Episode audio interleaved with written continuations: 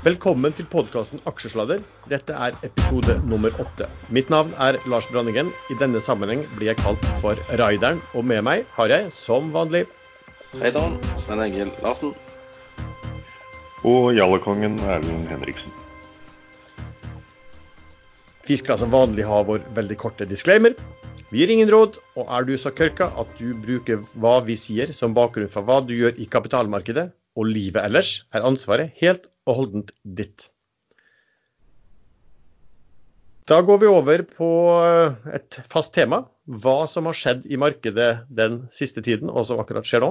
Tenkte vi kunne starte med å snakke litt om en eh, transaksjon som fikk stor oppmerksomhet. Dvs. Si, uh, Ultveits Mo som solgte aksjer, og som ble snappet opp av Røkkes Aker.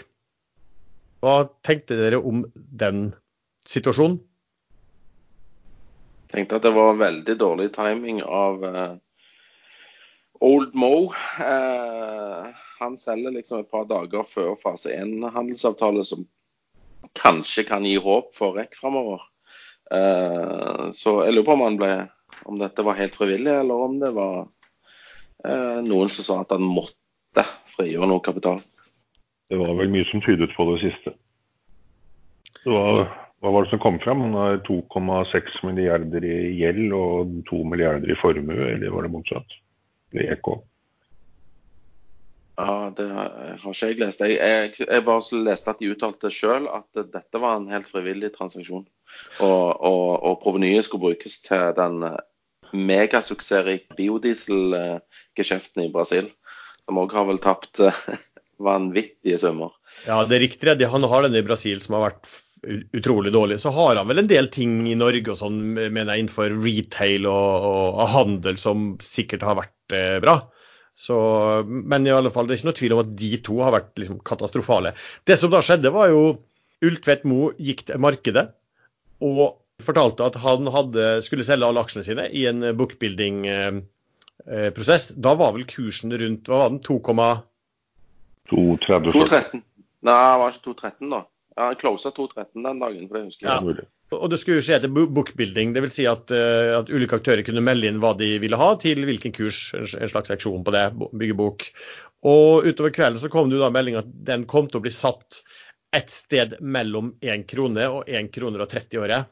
Og da jublet jo alle de som lå short i rekk, mens de som eide aksjen var jo rimelig fortvilet, for de antar vel da at dagen etterpå så ville vel kursen åpnet et sted der. Så ble det vel sånn at de fikk satt og bygd den boka, om det ble til slutt på 1,30. Men så kom det altså inn Aker inn fra sidelinjen, tydeligvis, sent i, på kvelden, sånn som det kan ha virket, og bøy høyere, altså bøy 1,32 for eh, hele posten til eh, Ultvedt Moe, som utgjør vel noen og 20% av selskapet. Lars, de bød faktisk 1,32,5, så de la på et halvt øre. Ganske morsomme, disse rike gutta på toppen. Ja, to og et halvt øre, altså fra 1,30 til 1,32,5.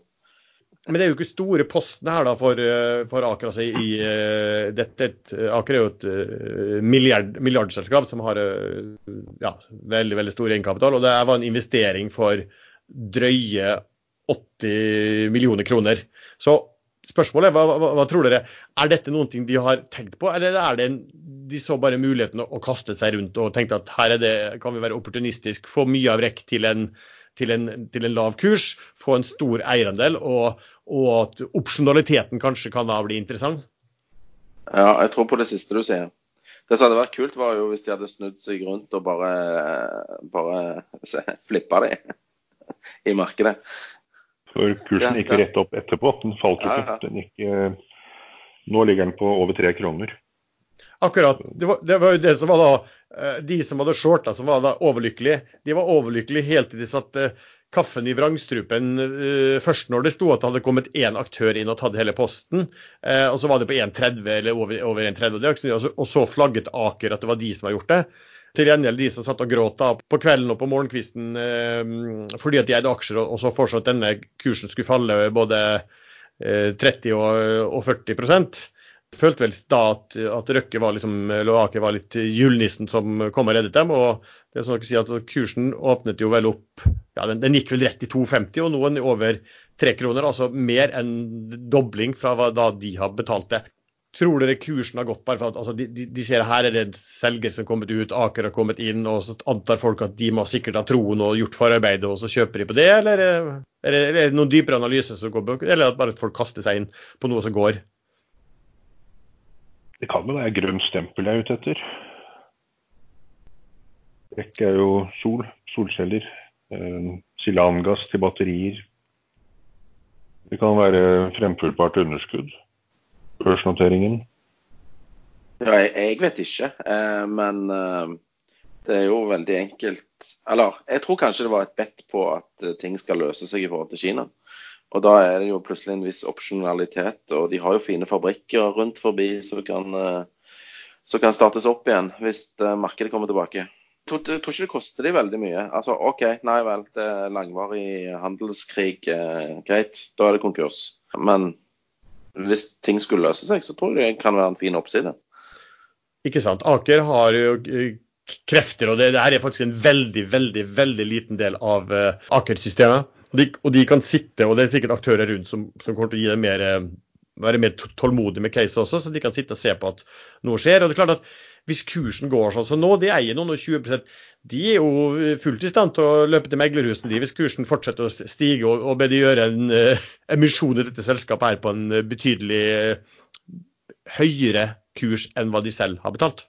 Så det er jo også en, en, en, mulighet for dem for å begynne å sy inn ting. da, Men uh, ja, det er litt vanskelig å vite hva, hva, hva de tenker og hvor, hvor langsiktig. Om de, om de, har gjort noen plan, eller om de har bare sett, sett sjansen og, og, tatt et glipp. og ja.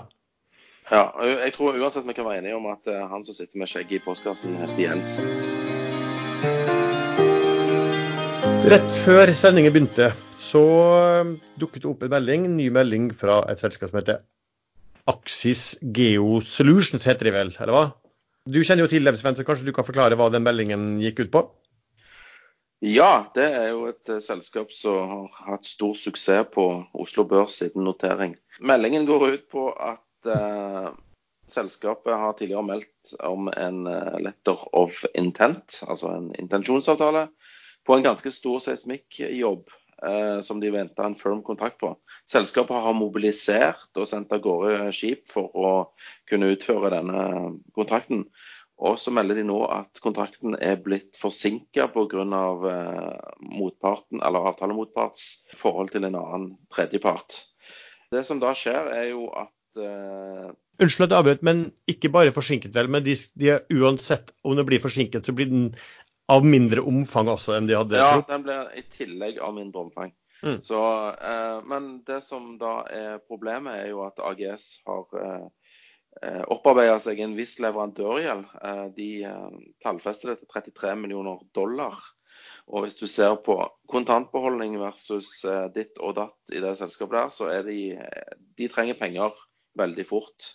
De prøver å Altså basert på en intensjonsavtale prøver de å å, å reforhandle noen sånne Hva de heter de ratene?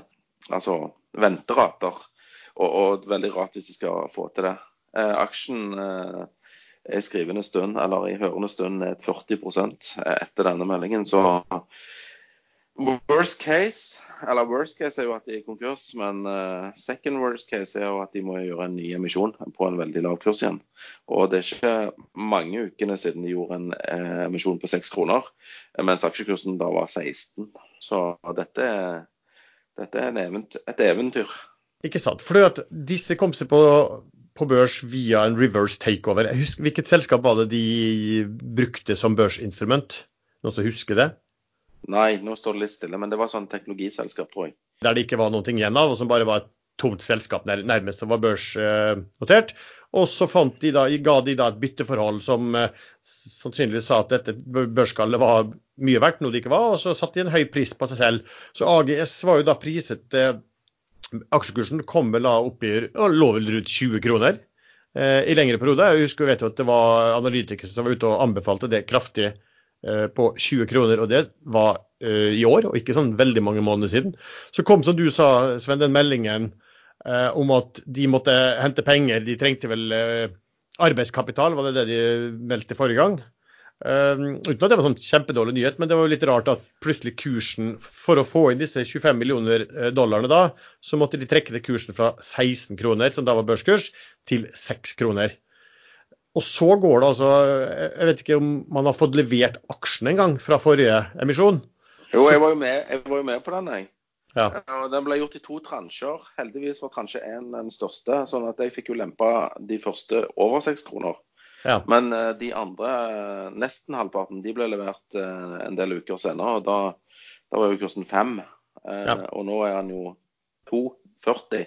2,40. Den, den, den er ned 40 i dag etter meldingen. Men de, de har jo da altså henta inn 25 millioner dollar for at de må ha arbeidskapital. Og så går det altså noen få måneder igjen, og så melder de at intensjonsavtalen ikke ser ut til å i hvert fall gå veien inntil videre, og går den veien, så blir den mindre. Og at de har brukt mye penger på, å posisjonere seg på den avtalen. Og at de har da 33 millioner dollar i utestående leverandørgjeld. Det står jo ikke noen ting hva de har i cash og sånn, men det er klart at det ser jo ut som de er i en ganske sånn desperat situasjon da, etter, å få, etter å få inn pengene. Ja, men kanskje leverandørene eh, eh, kan eh, godta å få aksjer i oppgjør istedenfor penger. Ja, det er kanskje lettere i hvert fall å ta den på, på, ta den på 2,40 enn på 16 kroner, som de var for ikke så mange så, så lang tid.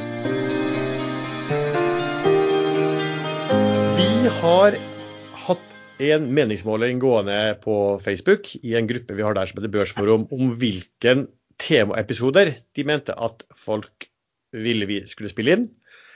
Vi har lagd en slik temaepisode, og den som vant, var det som går på aksjer, analytikere og regnskap. Og her kan du få høre et lite klipp fra denne episoden som vi planlegger å legge ut i romjulen. Dagens gjest han har vi gitt tilnavnet Den vantro. I disse juledager så var det jo slik at en av Jesus' disipler var en skeptiker av rang og ble kalt tvileren Thomas, og også den vantro Thomas. Så velkommen til oss, Thomas Nilsen, porteføljeforvalter i First-fondet. Tusen takk for det, Lars. Jeg tvilte jo litt før jeg takket ja, men uh, gjorde jeg nå det til slutt, da. det var veldig bra. Altså, jeg snakker ikke med analytikere, så jeg veit jo ikke, men uh, Du snakker ikke med dem engang, nei? jeg har vært analytiker i ti år, og slakteren spiser ikke pølser, er ikke det man sier. Jeg kjøper aldri selskaper som har prisbok under tre, for da er det dritt. Men, men når du sier Epson, så mener du inntjening per aksje, altså earnings per share. Du mener Ja. ikke dette japanske selskapet som lager skrivere? Bare for å være klar på det, da. Hvis folk begynner å google Epson og så Å ja, da kjøper, da kjøper vi Epson-aksjer, da. Når det gjelder guiding, så er Apple er jo et selskap som er flink til å guide. De guider alltid konservativt. Og så slår de alltid guidingen sin. Bom, så de bommer hver gang, de også. Hvis du leverte 100 i fjor, og så leverte du 50 i år, så er det fortsatt ræva, selv om det var konsensus var 40, liksom. Begynner nå å nærme oss eh, nyttårsaften. Da skyter man opp raketter. Og den siste tiden så har eh, tradisjonen tro en hel del aktører også kommet ut med sine forslager til aksjer som skal gå eh, rundt jul, romjul og litt over nyttår. DNB var nylig ute med eh, sin eh, portefølje. Den bruker de og ut ifra eh, hva skal jeg si, eh, forskning, så sier de at det, det beste å- er da å kjøpe de sånn i midten av desember, og slippe de ut femte handelsdag, spesifiserte de i eh, det nye året. Og da snakket de altså om å kjøpe aksjer som hadde vært tapere på børsen eh, i 2019, og så valgte de ut en portefølje eh, som eh, bestod av, bestod, bestod av slike. Nå har en del av de aksjene, eh, slike aksjer gått ganske mye altså bare den siste, eh, siste uken. Så kan man lure på om Så mange har jo blitt fyrt godt av allerede, og om effektene er tatt ut. Men hva tenker dere om årets raketter? Nei, så lenge de ikke har våt lunte, så, så blir det bra. Uh, jeg har sjøl faktisk kjøpt litt sånne Altså, nå skal vi ned eh, et par divisjoner. Vi skal ikke i Obos, vi skal vel ned litt under Post Nord eh, for å finne disse kandidatene. Men jeg, jeg har funnet noen eh, raketter som jeg tror Eller julekuler. eh, Som jeg tror kanskje kan få seg et oppsving rett over nyttår. Jeg tror det er veldig mye skatterelatert eh, selging og fond som rydder i diverse. Eh, og jeg, jeg mener selv jeg har funnet fram til seriøse selskaper, men jeg ser at jeg har AGS på lista. Eh, og den fikk seg jo akkurat en liten smell her nå. Eh, så jeg er litt usikker på om vi skal ha med den. Så hvis vi venter til å ta den til sist, så har den gjerne kommet ned på 1,50. Så er den på 1,95 nå. Og da er jo inngangen mye bedre. Jeg vet ikke dere andre, har dere jeg, jeg tar disse til slutt. Vi må bygge opp liksom suspens her, så, altså, eh, føler jeg. Hva mener du, Erlend? Har du funnet fram til noe eh, Ja, nei, Nå er vi jo på mitt spesialfelt. Det er jo disse Jalla-aksjene. Eh, Ja. Og da, En som allerede har gått kraftig, det er IOX. Eh, De en de, de hadde et obligasjonslån på 35 millioner dollar som alle har visst nå i et par år at forfaller nå på nyåret. Allerede i fjor, rundt denne, rundt eh, januar-februar, så begynte kursen å falle fra rundt 5 kroner og var nede i 1,75 på torsdag. Da det kom melding om at båndholderne aksepterte konvertering av drøye 6 millioner dollar av den gjelden til kun 20 rabatt på kursen. Og der hadde markedet regnet med at båndholderne enten kom til å slå selskapet konkurs eller kjøre en fullstendig utvannende emisjon, eh, hvor dagens aksjonærer ville sitte igjen med nesten ingenting. Du vet Ja. at båndholderne ikke har godkjent dette ennå? Det er kun et forslag. Det er ikke blitt Ja, det er et godkjent av forslag. Men, uh, Men det er med stor Eh, sannsynlighet for at de så konspiratorisk er selv ikke jeg at jeg tror ikke de vil dette. Det, det er flere ting som tyder på at, at flere er satt i innsideposisjon, bl.a. en leverandør som konverterte en god del gjeld til aksjer på over tre kroner uh, i august, var det vel. Så jeg tror båndholderne har fått vite hva som er mulig. Eh, IOX har eh, alltid vært flinke til å ta opp lån, så størrelsen 10-12 millioner dollar. Når båndholderne konverterer 6 millioner dollar til aksjer, så blir jo det en dobbel effekt i regnskapet. Da økte EK med 12 millioner, så nå ligger det 6 millioner dollar i pluss. Gjør at de kan ta opp lån. Det gjør også at de kan få gjennomslag for budene sine i diverse prosesser som er ute og går, anbudsprosesser. Så hvis eh, brikkene faller på plass nå, så vil den aksjen gjøre en eh, kule, og da vil også båndholderne gjøre en kule. Men som du sier, det kan være at eh, kursen allerede nå har gått så mye, fra 1,75 til nå 3 kroner og 20 øre ca. At de setter ned foten, og så er de tilbake til start. Men jeg tror ikke det. Men det er vel sånn, det selskapet der, er det ikke sånn at eh, de, de som de store aksjonærene også er store båndholdere, eller? Du vet Jo, det er jo litt av, er, så de sitter jo på begge sider av bordet. De, de tjener jo også på en, den kursoppgangen som er nå, samtidig som de mm, vil tjene godt på båndet sitt hvis de fortsetter enda, enda høyere opp. Ja, men det er klart at det, det blir sånn uh, voodoo-matematikk det der da, å si at uh, altså, fordi at båndholderne er snille med aksjonærene, så blir absolutt alle mye rikere. Det, jo, det, det- blir jo litt sånn, kanskje litt teoretisk. Det får man jo se først når båndholderne har fått disse aksjene, og eventuelt hva de, og hva de. Ja, ja, ja, ikke sant? Ja, ja, kort, kort, ikke sant? Ja, ja, jeg er enig i det. Altså, det er jo lang tid til de eventuelt et, etter at de skal godkjenne det, så skal de også få de aksjene. Men du vet, jeg tenker litt mer lenger og litt mer fundamentalt hva som skjer den dagen de får disse aksjene og i bytte mot lånene sine, og, og, og om de da begynner å I hvert fall en del av de begynner å selge ut. Men det får vi se. Ja, det er jo En ting man skal ha i bakhodet, er at er fremdeles veldig mye igjen av det lånet. Det er vel 29 millioner dollar etter at de nå konverterer seks. Så hvis IOX ikke klarer å tjene penger framover, så kan de jo, kan de jo nulle selskapet neste omgang. Mm. Ja, men det bryr vi oss ikke om. Vi skal bare ha sånn eh, rakettstoff. Ikke sant. Og dette er rakettstoff. Ja. Men men, man slipper jo ikke unna å snakke om eh, Robert Neiper Keat, som da har eh, direkte og indirekte interesser i to selskap på børsen, både Tinn Film og Idex. I, Idex. I Tinn vet vi vel ikke om han har aksjer eller ikke. Han har jo ikke meldeplikt, så han kan vel via nominikonto ha kjøpt aksjer der uten at noen får det med seg. Men i Idex så har han da Har du Ja. de òg som rakett? Unnskyld? Har du de òg som raketter? Ja, begge de to. Okay. Begge to har allerede begynt å gå. Begynt? Begynt? De har vel De har, gått eh, har gått eh, en måned nå. 70 eller noe begge. Ja, så Jo, jo, men det er jo ingenting. Det er jo ingenting. Idex har jo gått fra under en krone til åtte kroner eh, før, og fra to kroner til ti kroner, så, så dette er ingenting for Idex.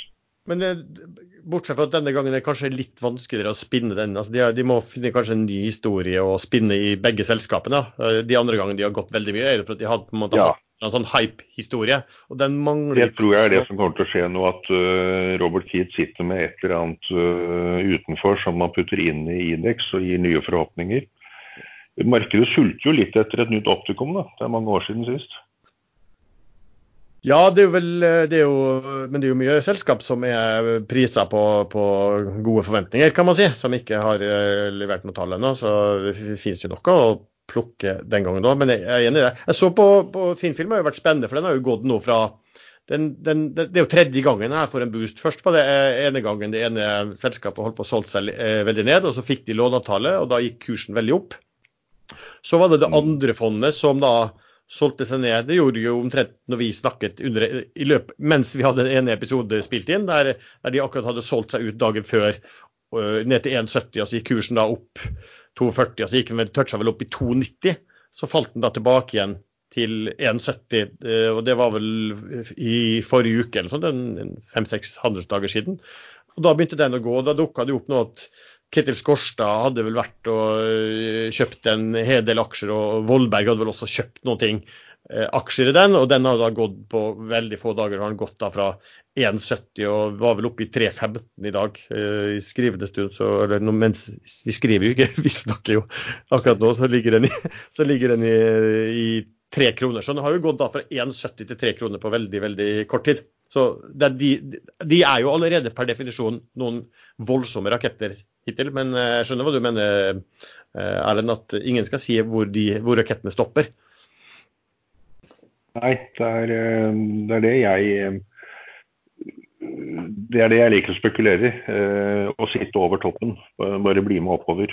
Det, når man ligger i gevinst på sånne aksjer, så, så skal man være litt forsiktig med å kappe gevinsten for tidlig. Fordi det, det, det er ikke logisk at den gikk dit den gikk, og da er det ikke noe logikk i at den skal stoppe, øh, stoppe før den har gått mye lenger. Men hvis du sitter over toppen, toppen nå, hvordan vet du hva tid du skal selge? Det er når momentet forsvinner sånn øh, ordentlig. øh, når den har ramlet kanskje 20-30% fra toppen.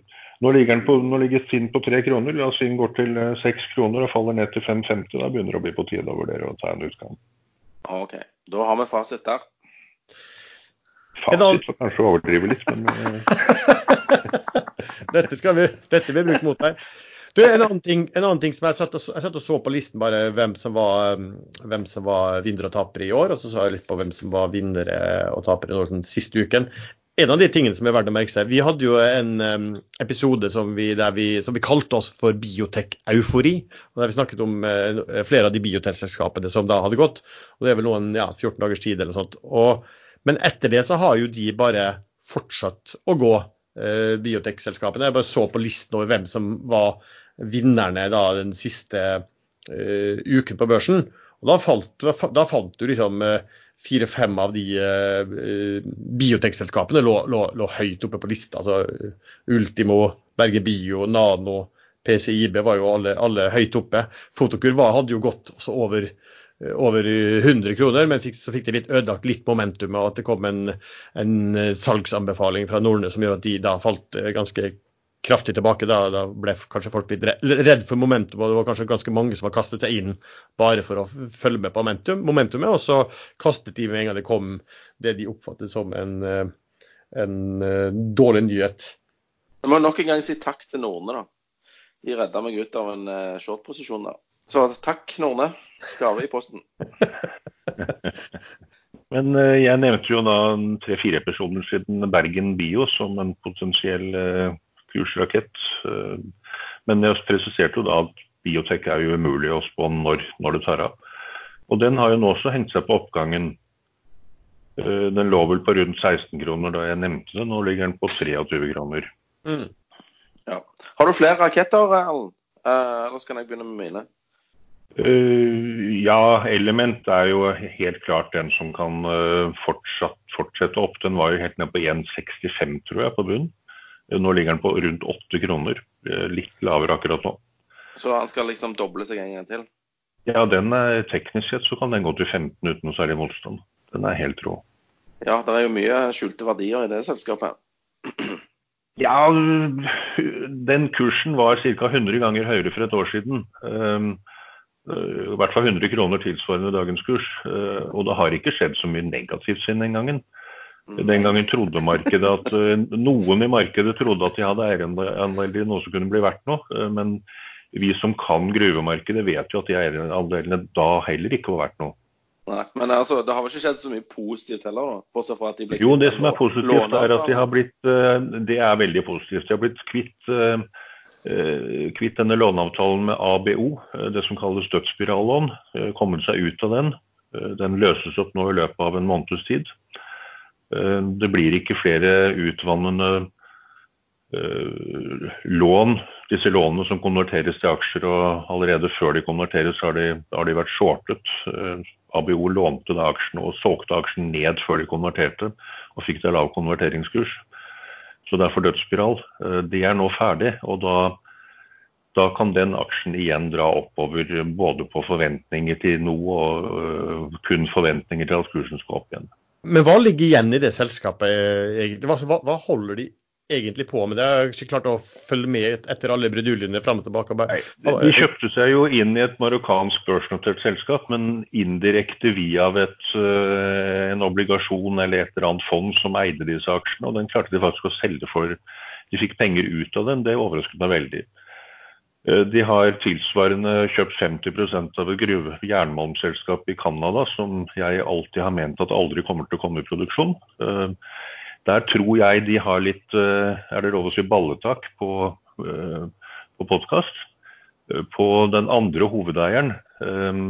Fordi så vidt jeg har skjønt, så har Ele faktisk sikkerhet i hele den, hele den gruven. Hele selskapet.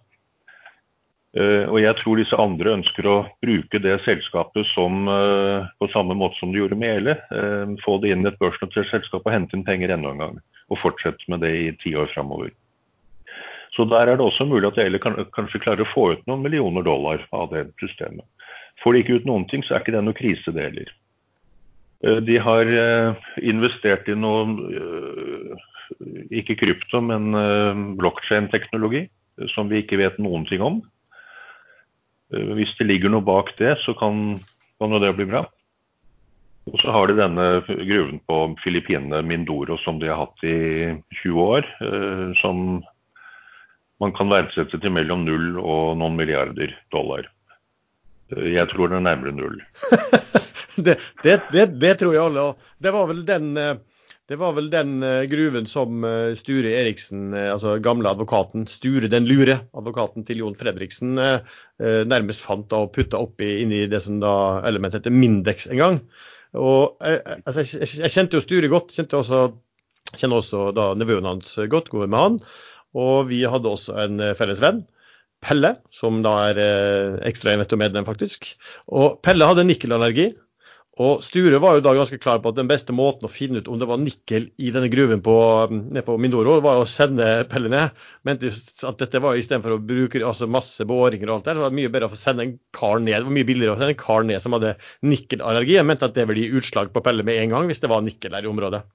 Så det var den vitenskapelige måten å finne ut om, eh, om det var noe eh, der nede. Men der har de vel holdt på i med alle mulige aktører og med myndigheter og lokalbefolkning og alt mulig annet i, i hvor mange år? Eh, 20 år, eller noe sånt? Holdt på og prøvd å få et eller annet den, eh, på det nikkelressursen. Eh, Husker dere når de russerne altså Det var sånn russisk holdingselskap og noe greier. Og, og ja, det var, ja, og de, ingen hadde penger da. Men uh, allikevel. Ja, men det, det, eh, var, det, var, mye tull der.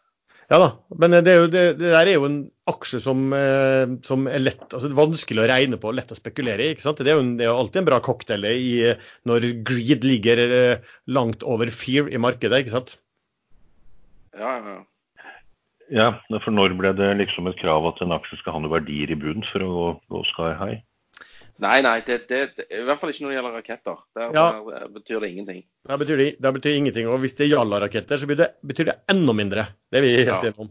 Du, jeg så, jeg så, jeg så DNB forresten. De hadde altså eh, Bare for å ta den lista de kom med.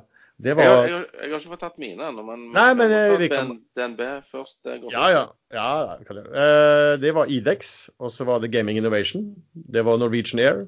Det var Aker Solutions, Nano Nordvekter, MPC Container, XXL, Bård Drilling, Kongsberg Automotive og Bergen Bio. Det var deres. Og jeg tror ni av ti dem hadde, og de hadde steg vel ganske kraftig de første par dagene. Sven, kom med, kom med en rakett. Ja, en rakett. Den som jeg har mest tro på, eh, det er faktisk eh, ProSafe.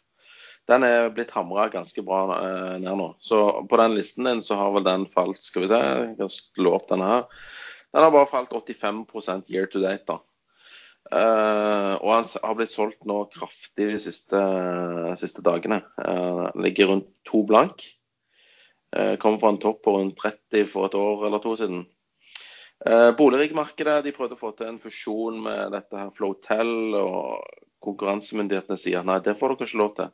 Da er det bedre å slå begge selskapene konkurs heller. Så jeg vet ikke helt hva som skjer der. Jeg tror eh, fond driver og vasker litt og rydder litt før jul. Eh, og jeg tror den kan få seg en eh, Ja, nå, nå skal jeg være konservativ. Jeg tror han kan doble seg. Ikke sånn, Jeg tror ikke han går åtte ganger, sånn som Erlend ville sagt, men uh, det er mulig han kan doble seg hvis det Men det er, du, sa- du sa han hadde falt 85 og det, det- det er faktisk et ganske vanlig tall at det er mye snur på. Uh, okay. Hvordan var det finanskrisen? Var det, 80, var det ikke 85 børsen falt da? Eller var det, var det kanskje noe mindre? nei, det var, ikke, så- det, var ikke, det, var ikke, det var ikke så mye, men eh, Bitcoin snudde opp på nøyaktig 85 nå sist Ja. etter toppen. Men dette er 20 000. boligrigger, da.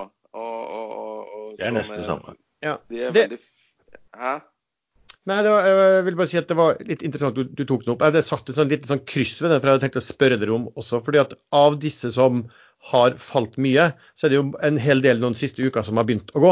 Eh, mens Prosef den har bare falt ned. Jeg tror den har falt, eh, i hvert fall jeg så på det tidligere i dag, så tror jeg den var ned ca. 30% bare den siste eh, uken. Så den har, det, som du sa, Sven, den har fortsatt å, å falle. Men ja, men jeg, jeg begynte å kjøpe den i går rundt 2,20, eh, og fortsetter nå i dag rundt 2 blank. Eh, ja, nå faktisk 2,08. Ja, ja, samme det. 2 blank. Faller den nå Eh, på veldig høyt volum. hva er market cap? Nei, Hva er, han, eh, åt- det er 82 millioner aksjer, så ganger du det med 260 millioner. I market cap på selskapet? Ja, og de har mange boligrigger, og de er så gira. Og så har du Hightech Vision, da, som eier, altså med største, desidert største eier her, som har tapt så inn i hampen mye penger, men de tjener jo grævla mye penger på alt annet, da. Eh, spesielt oljeselskap. Eh, uansett, jeg tror det er fond som driver bare og rydder. Nei, vi kan ikke ha den driten her i, og vise fram i, i de eh, glansede papirene når de sender ut eh, etter, etter nyttår. Eh, Så jeg, jeg tror kanskje det er en eh, bra kjøpsmulighet. Men om de overlever, det vet jeg ingenting om. Men jeg tror på to ukers sikt her nå, så kan vi få en liten rekyl. Kanskje Stordalen går inn og kjøper boligplattformer og lager hotell.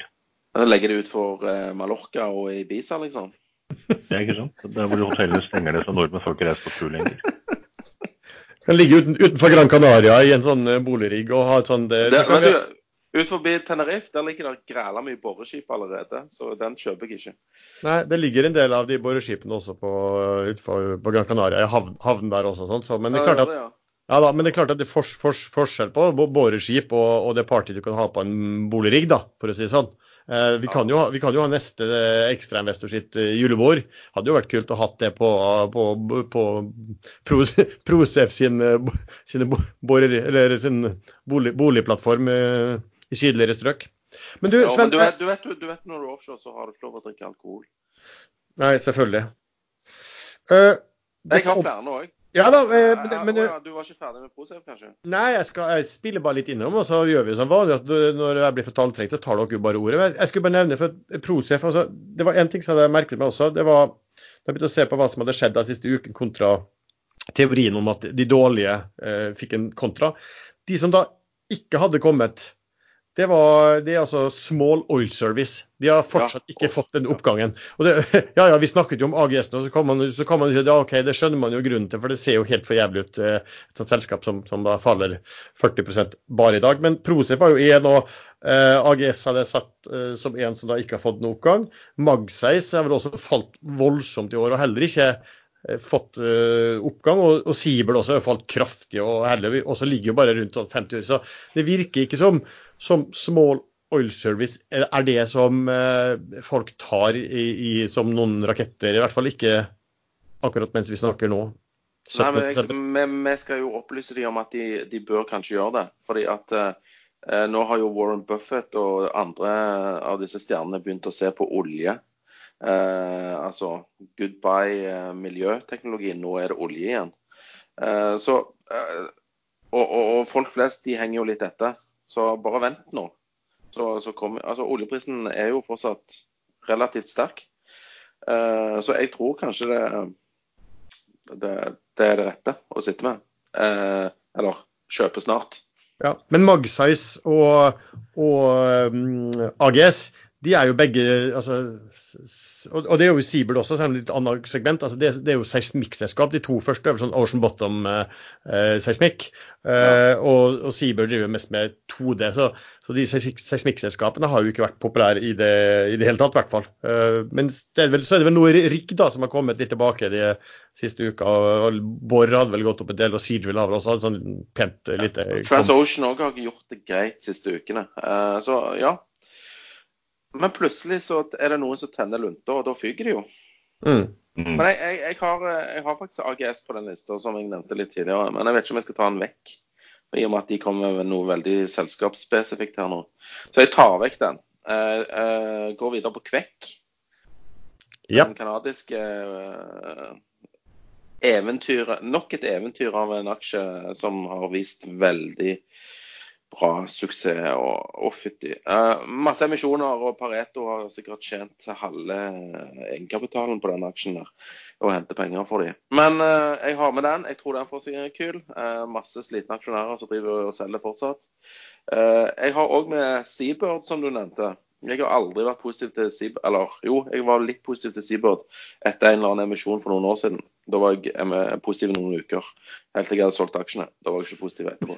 Men eh, eh, jeg, tar, jeg sier Seabird. Jeg tror den kan doble seg fram til altså i januar. eh, hvis eh, eh, folk blir ferdige å selge den. Jeg så at Warner Er, er det Warner eller Warner på Rødrene? De har drevet og solgt Warner. aksjer. Warner. Warner. Var, var det Warner. Ja. Warner Brothers. De har, eh, Werner Brothers de har drevet og solgt eh, og lagt litt press på kursen. Mm. Eh, de ble, begynner sikkert å nærme seg ferdig, og da får du en rekyll der òg. Hva med Vatne? Er det ikke de som også eventuelt kan dukke opp der og fortsette å selge? Jeg tror ikke de Jeg, jeg Har de solgt så mye, da? Nei, de har ikke det. Altså, det har vært litt sånn frykt der for at det er en del altså, Sibel har vært stappa full av eh, finansielle investorer og, og litt, veldig lite innslag av industrielle. Og så har det vært sånn spørsmål om sånn som for at, at den investeringen betyr så veldig lite i forhold til det formuen de eh, forvalter. Og så bytta de vel litt de bytta vel forvalter. Det er sånn typisk tegn på at OK, liten post isolert sett, gått elendig, jeg bytter forvalter, da, vil man bare bli kvitt det. Men nå er det jo ganske mange måneder da, siden de har byttet forvalter, og, og det virka ikke som de har gjort noen ting med den posten.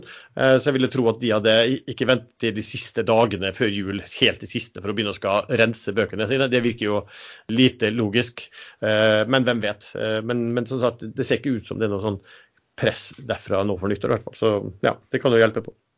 Så har jeg to til. Eh, en er Next, kun basert på at han har falt som et uvær eh, gjennom året.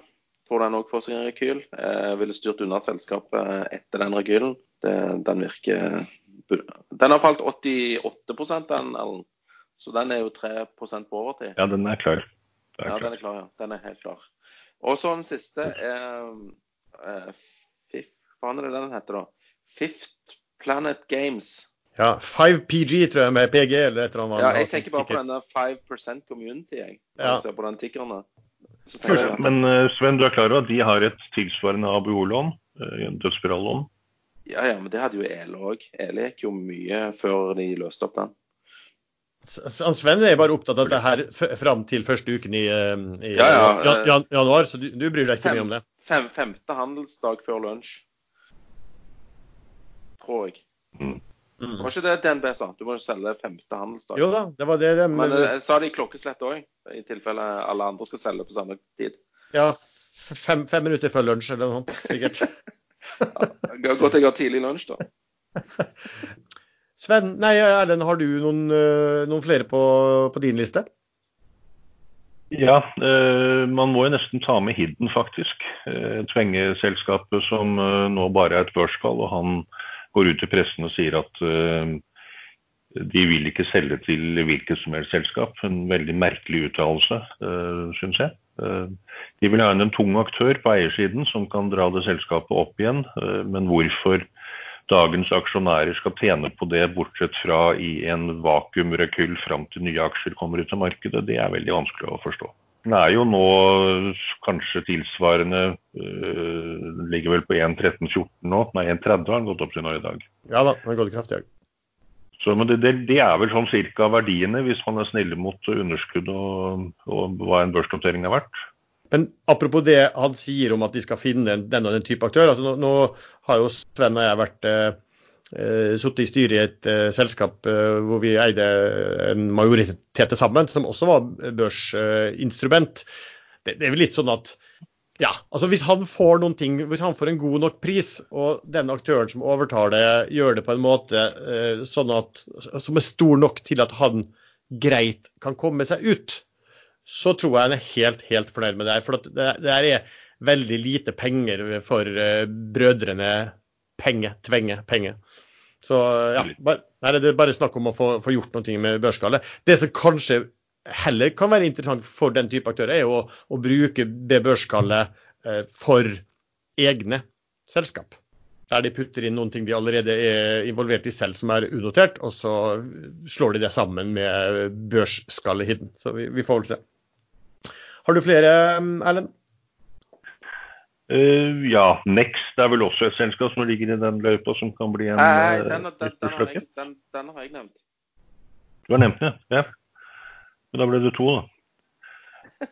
Uh, og så er det North. De er jo en konstellasjonen konstellasjon av noe sugerør inn i kassen hvor North-ledelsen, advokat uh, Husker ikke navnet i farten, Onarheim, hvor de får en del provisjoner ved siden av. Men den Nort er en sånn aksje som faller og faller i kurs, helt til den plutselig dobler seg igjen.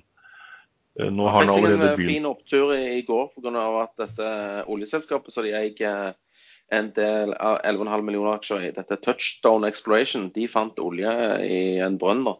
Så da gikk jo den Touchdown, Touchstone den gikk jo 80% i går. Så da gikk jo North-aksjen naturlig nok opp litt, den òg. Ja, så nå har den falt litt tilbake i dag, 3% minus i dag. Nå ligger den på 1,30,05. Eh, Men de har vel også eh, fremdeles ikke fått den siste skatterefusjonen, vel? Fra tidligere oljebor-letevirksomhet. Nei, eller eh, at de mista den. Det vet de jo ikke ennå. Ja, men det er ikke, ingenting er avgjort. Nei, ingenting er avgjort. Det var en til jeg hadde, men nå husker jeg ikke. Jo, Ocean Team det er en veldig merkelig aksje. Eh, Den har nå kjørt en spleis, og eh, forholdet 1 til 7, tror jeg, så det er ingen lenger som har noe formening om hva kursen i dag egentlig betyr i forhold til forrige kurs. Man må sitte og regne på det hver gang. Eh, Men de reduserte pålydene, halverte pålydene ned til 5,6, tror jeg det er. 5 kroner og 60, og nå ligger den på 4,40.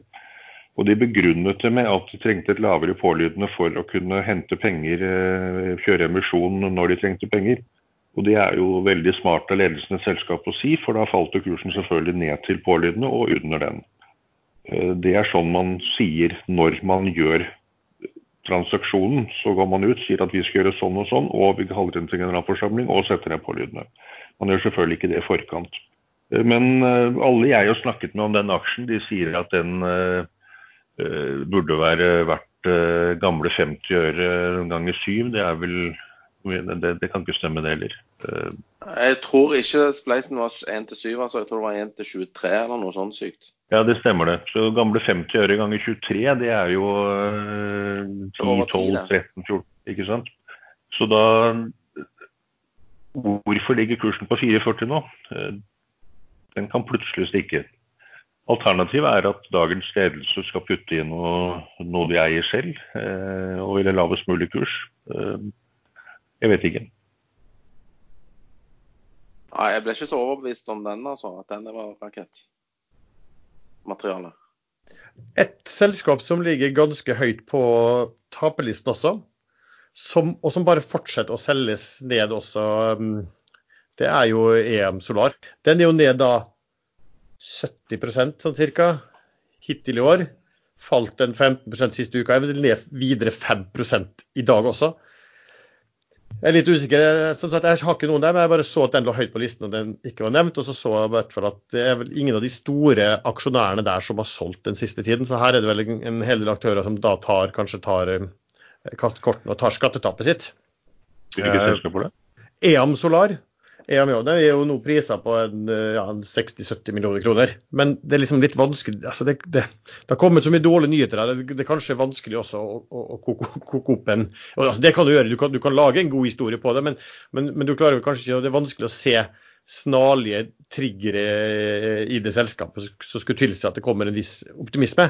Men det er gjerne sånn at når den har falt så mye, og den, den har falt akselerert de siste dagene nesten, og i hvert fall når jeg så siste aksjonærskitt, så var det ingen av de større aktørene som selger. Det virker altså som det er veldig mange mindre som er bare lei, rydder opp før nyttår. Så kan det være at den på et tidspunkt nå før nyttår eh, ja, der, folk har på en måte solgt og tatt tapet, at den kanskje kan få seg en sånn eh, rekyl også, muligens.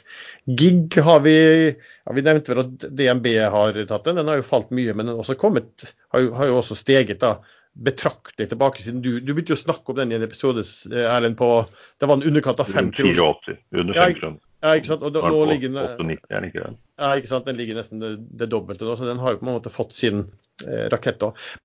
Men en annen type raketter, nå snakker vi jo bare om det dårlige. Hvis jeg husker riktig, så tror jeg at Peter Hermanrud før også snakket om at selskap som har gått fantastisk bra på året, ofte også går veldig bra på slutten av året, start, starten på det nye. Så da kan vi jo se litt på altså Den som er årets øh, vinner, vel, på, som har gått mest på børsen, det er vel da øh, Scanship. Som har ja, gått... Han har kun gått 427 ja, ikke sant. Fantastisk. Og den har vel den siste uken også gått opp faktisk 10% eh, Også nummer to på den listen, som har da 380 det er vel hva heter det, Karasent. De som driver med mm, altså Det er vel software til, til eh, helseforetak, eller i hvert fall innenfor helse. Jeg trodde det var et sånt be be bemanningsbyrå. Karasent. Liksom, men det var det altså ikke.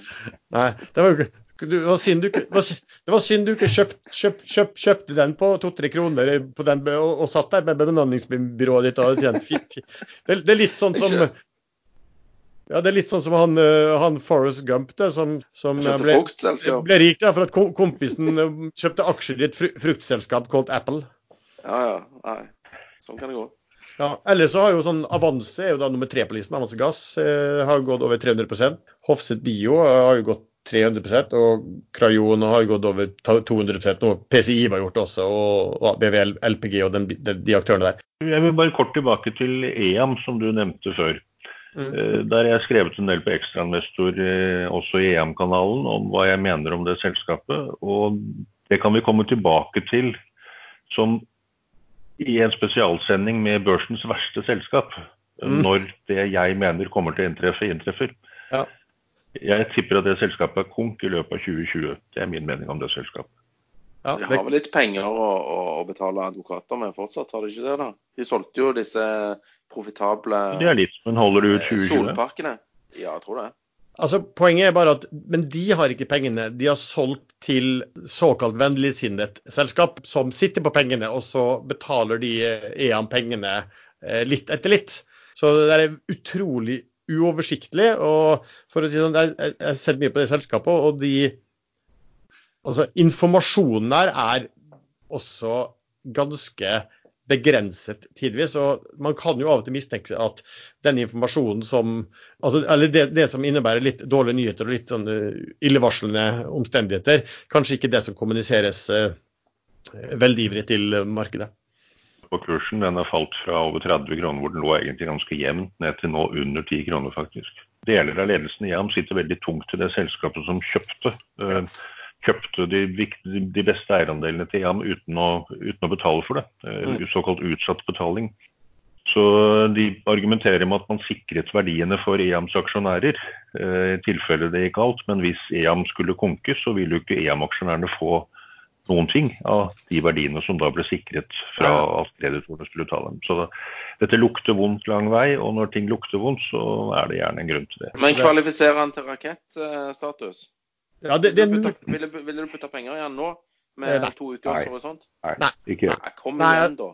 Jeg ville heller putta det noen, noen andre også. Men, eh, men eh, det kan være verdt altså, det, det er en av de som har falt aller mest, i hvert fall, og som bare har fortsatt å falle.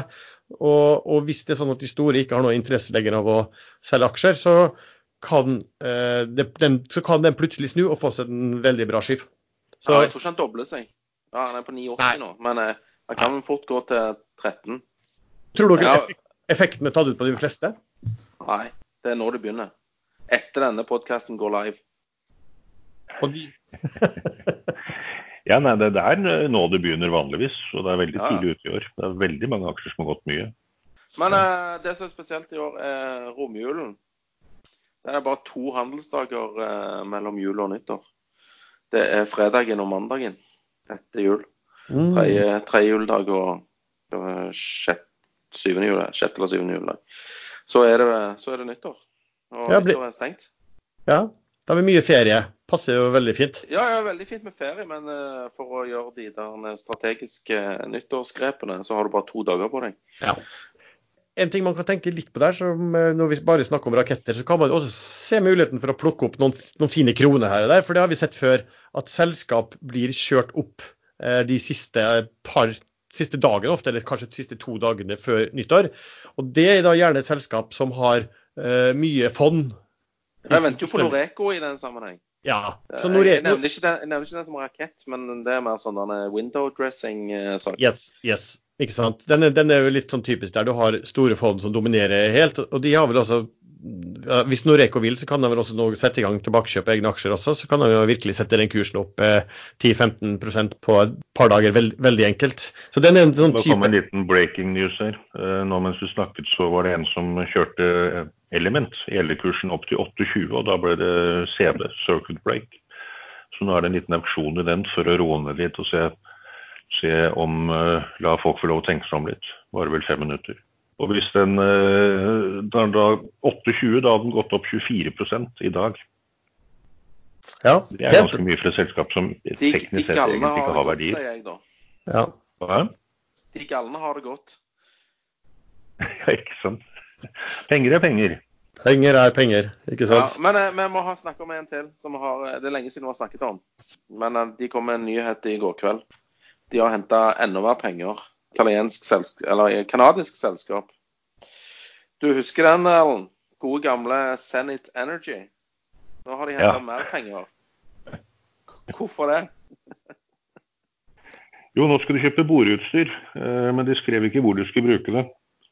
Jeg har en liten mistanke om at, eh, at de kanskje har eh, mistet hele Aserbajdsjan. De klarte ikke å produsere det de måtte innen 3.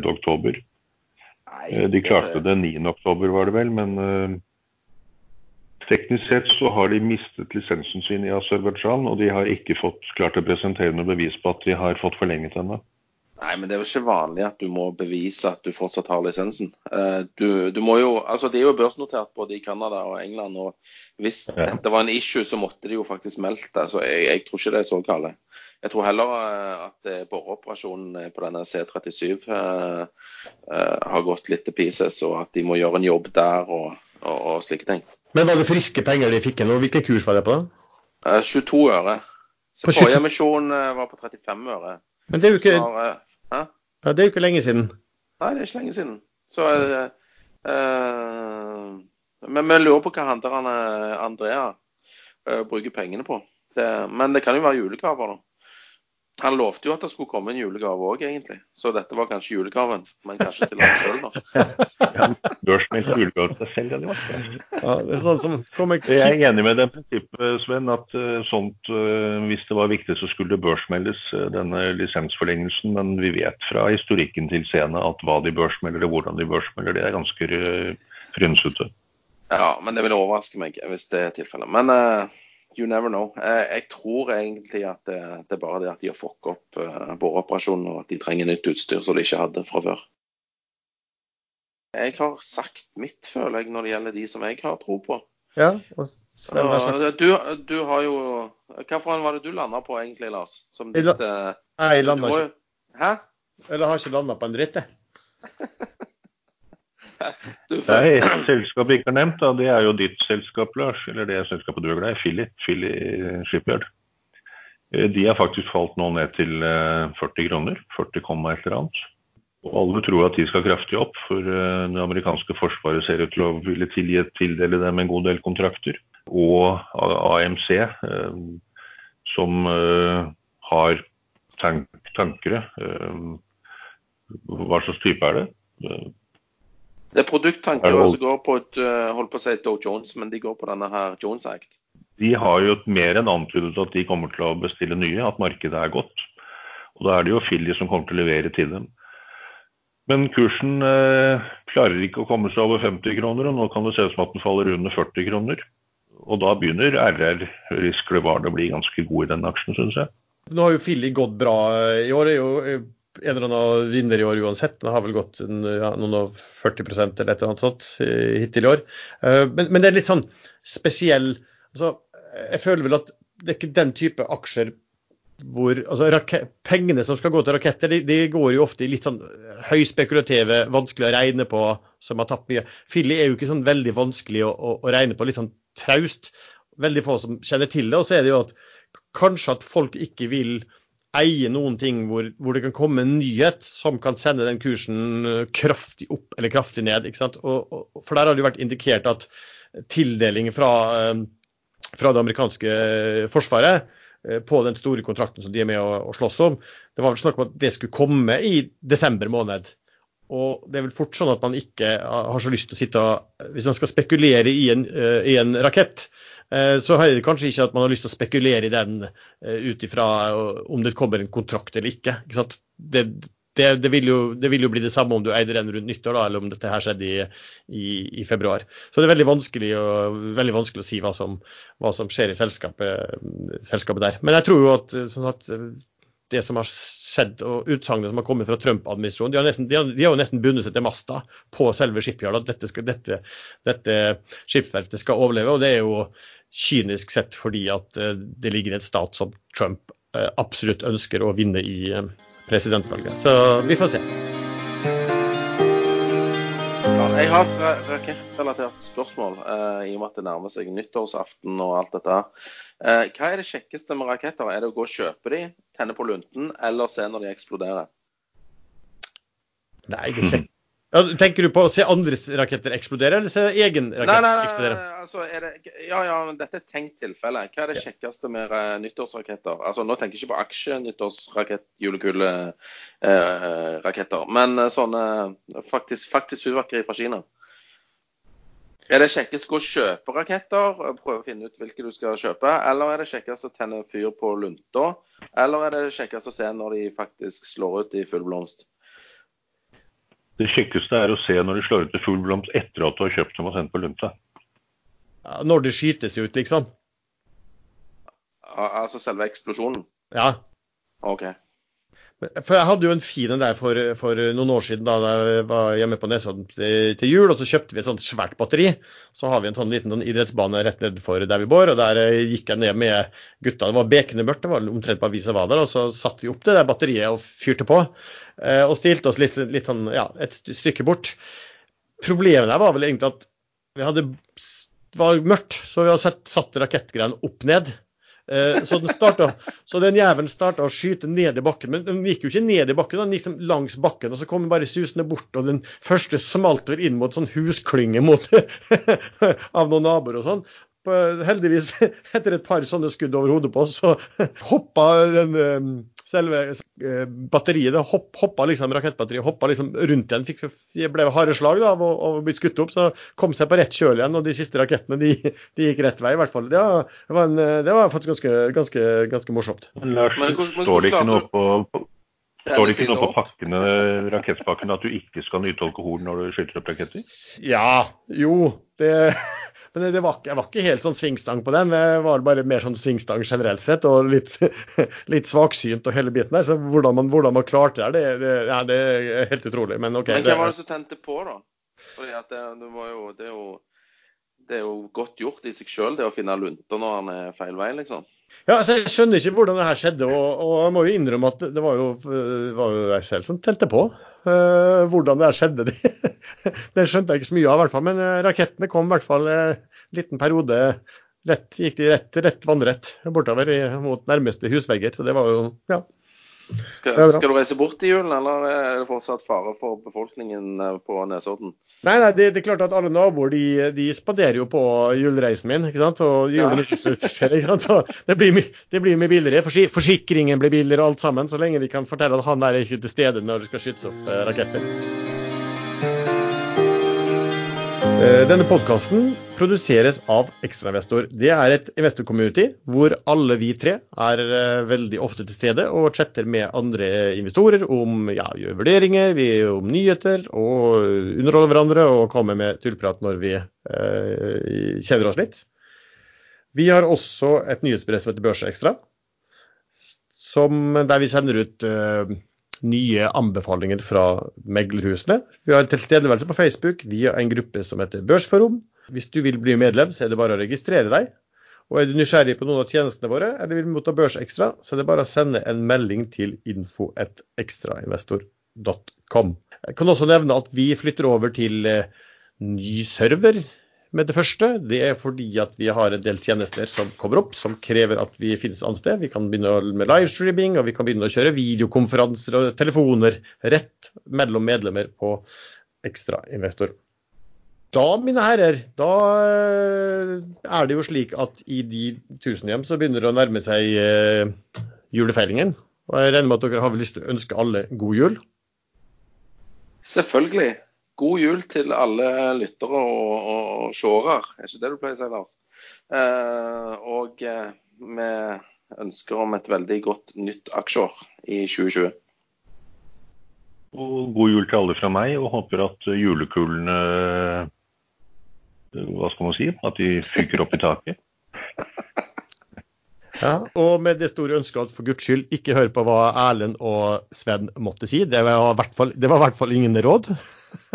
Nei, men altså, Sven, lovte ikke du å synge julesang? så- Sven, du skulle synge Hæ? julesang. Jeg ville du skulle synge julesang, sa du. Og du, jeg vil høre den 'Jeg har en venn i Betlehem', for den syns jeg var så fin. Ja, nei, jeg kan bare den la la la la la la la De mørke blå den, den hørte jeg mye på i Oslo for et par uker siden. Ja, ja, det var da du sprang naken på Det var da du sprang naken på, Hæ? på Ullevål.